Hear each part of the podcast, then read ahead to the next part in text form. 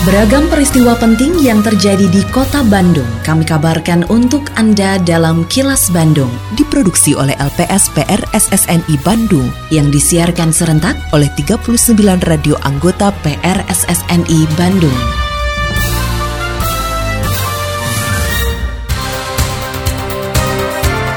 Sejumlah informasi aktual kami hadirkan untuk Anda dan inilah informasi utamanya.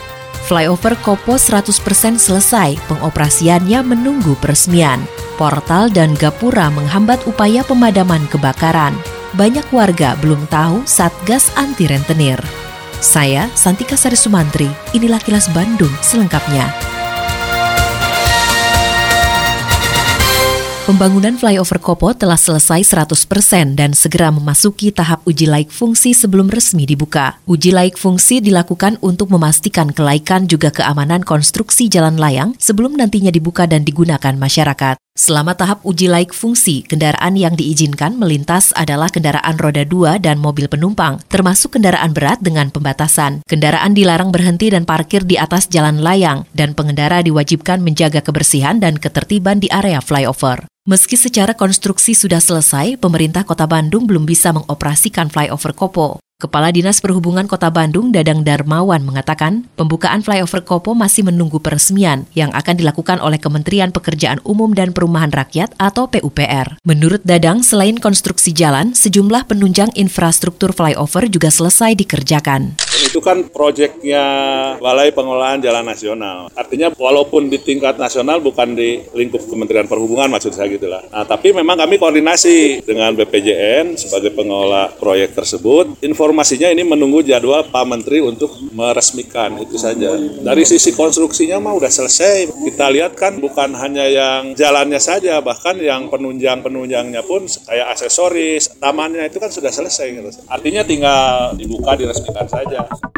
Akses jalan masih menjadi kendala dalam upaya penanggulangan kebakaran di kota Bandung. Kepala Bidang Pemadam dan Penyelamatan pada Dinas Kebakaran dan Penanggulangan Bencana atau Diskar PB Kota Bandung, Yusuf Hidayat mengatakan, selain kemacetan lalu lintas, banyaknya portal dan gapura di permukiman juga menjadi penghambat. Meski begitu, sejumlah kendala tersebut masih bisa ditanggulangi melalui koordinasi dengan aparat wilayah dan masyarakat. Oleh karena itu, Yusuf mengimbau kepada pengurus warga atau wilayah agar menertibkan portal dan gapura yang terlalu rendah atau sempit agar tidak menyulitkan upaya pemadaman saat terjadi peristiwa kebakaran kendala yang dihadapi oleh pemadam kebakaran pada saat penanganan atau penanggulangan kebakaran itu pertama tahu semua Bandung Hering Kuat Tangtu. Volume kendaraan yang sangat besar. Jalur aksesibilitas jalan tidak bisa masuk kendaraan pemadam ke tempat kejadian kebakaran.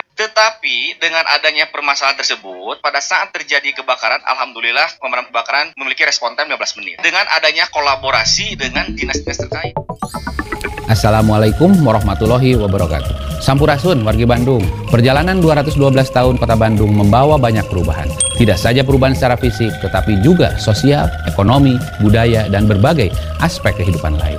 Apa pun bentuknya, perubahan tidak harus selalu mengubah jati diri warganya, tetapi justru harus semakin memperkokoh nilai-nilai kekeluargaan, kemanusiaan, partisipasi, dan keadilan. Peringatan 212 tahun Kota Bandung harus menjadi momentum untuk menata kehidupan yang lebih baik sesuai bangkit bersama untuk Bandung juara. Terbiasa saling bergandeng tangan dalam menuntaskan setiap masalah. Selamat memperingati hari jadi Dirgahayu Kota Bandung. Terima kasih. Wassalamualaikum warahmatullahi wabarakatuh. Pesan ini disampaikan oleh Diskominfo Kota Bandung. Hingga saat ini masih banyak warga Kota Bandung yang belum mengetahui adanya Satgas Anti Rentenir Kota Bandung. Padahal lembaga ini sudah hadir di Kota Bandung sejak tiga tahun lalu. Ketua Satgas Anti Rentenir Kota Bandung, Saji Sonjaya mengatakan, Satgas Anti Rentenir hadir untuk membantu permasalahan masyarakat yang terjerat rentenir sehingga menyulitkan kehidupannya. Saji berharap masyarakat yang terjerat rentenir dan membutuhkan bantuan penyelesaian bisa menghubungi atau ke kantor Satgas Anti Rentenir. Banyak masyarakat yang tidak tahu juga, oh ada Satgas Anti Rentenir ya. Kalau jemput bola, ya kita juga dengan keterbatasan energi kita, tetap kita juga melakukan penjemput bola ya. Baik itu sosialisasi atau menjemput korban yang terjerat rentenir. Jika warga kota Bandung khususnya, walaupun kita juga tidak menutup kemungkinan di luar kota Bandung kita e, menerima pengaduan ya. Terjerat rentenir, butuh bantuan, tinggal datang saja ke ke kantor kami di Jalan Buah Batu nomor 26. Cukup membawa KTP sama kartu keluarga, juga rincian hutangnya. Bismillahirrahmanirrahim. Assalamualaikum warahmatullahi wabarakatuh. Sampurasun, saya Arif Saifuddin, Kepala Dinas Kebudayaan dan Pariwisata Kota Bandung, menginformasikan kepada mitra pariwisata di Kota Bandung bahwa berdasarkan Peraturan Wali Kota Bandung Nomor 88 Tahun 2022 tentang pemberlakuan pembatasan kegiatan masyarakat level 1 Coronavirus Disease 2019 di Kota Bandung. Untuk restoran, rumah makan, kafe, waktu operasional mulai pukul 6 WIB sampai dengan pukul 22 WIB.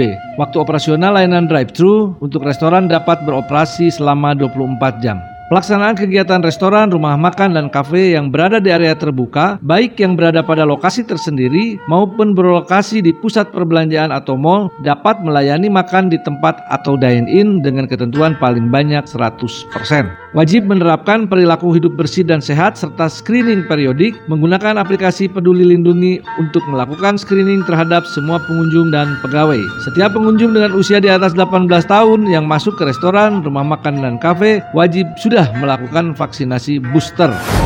Ayo mitra pariwisata, bersama-sama kita wajib melaksanakan protokol kesehatan, pencegahan dan pengendalian penyebaran COVID-19 secara ketat, konsisten dan disiplin. Iklan layanan masyarakat ini dipersembahkan oleh Dinas Kebudayaan dan Pariwisata Kota Bandung. Kini, audio podcast siaran Kilas Bandung dan berbagai informasi menarik lainnya bisa Anda akses di laman kilasbandungnews.com.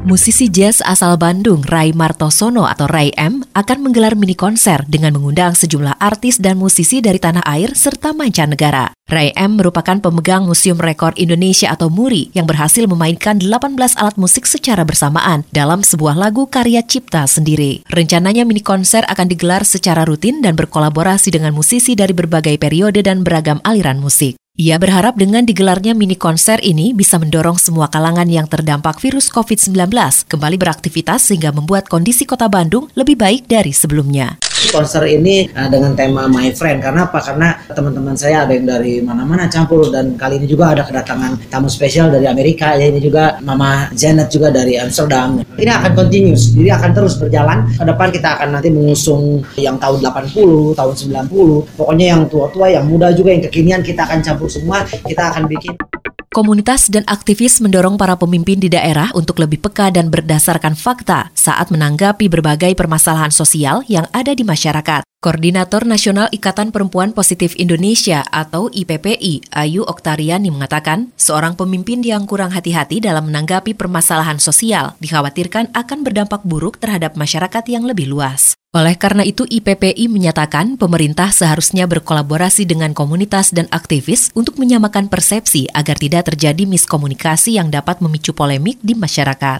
Pemimpin di masyarakatnya kalau kemudian mau bicara menanggapi konteks-konteks sosial, itu harus memang bicara berdasarkan fakta gitu. Jangan asumsi pribadi, jangan menggunakan saya harus minta maaf gitu, nggak bisa pakai perspektif kepercayaannya sendiri gitu. Karena Indonesia itu kan beragam. Kita nggak bisa menghukum atau kemudian memberikan pernyataan yang akan menyakiti banyak orang. Kita perlu duduk bareng untuk ngobrol supaya tidak ada miskomunikasi, supaya pemerintah ya semua uh, pemimpin itu bisa memahami setiap konteks kesehatan itu pasti ada sesuatu di baliknya yang menjadi alasan kenapa penyakit ini jadi ada. Gitu. Sebagai penyintas COVID-19 pertama di kota Bandung, pernah merasakan bagaimana terpaparnya tubuh oleh virus corona. Jauh dari nyaman, karena nyawa kita sedang terancam. Jadi, jangan sampai hal tersebut Anda alami. Warga Bandung, pandemi COVID-19 belum usai. Mari disiplin menggunakan masker, cuci tangan selalu, jaga jarak, dan hindari kerumunan masih menjadi keniscayaan. Mari kita jalankan pola hidup sehat, makan teratur, istirahat yang cukup, dan berolahragalah. Saya Yana Mulyana, Wali Kota Bandung. Atur nuhun. Iklan layanan masyarakat ini dipersembahkan oleh Dinas Komunikasi dan Informatika Kota Bandung. Tetap patuhi protokol kesehatan sebagai kebiasaan baru dalam berbagai aktivitas karena pandemi COVID-19 belum usai. Dapatkan dosis vaksin COVID-19 secara lengkap untuk meningkatkan antibodi dan efektivitas vaksin di dalam tubuh. Terima kasih Anda telah menyimak kilas Bandung yang diproduksi oleh LPSPR SSNI Bandung.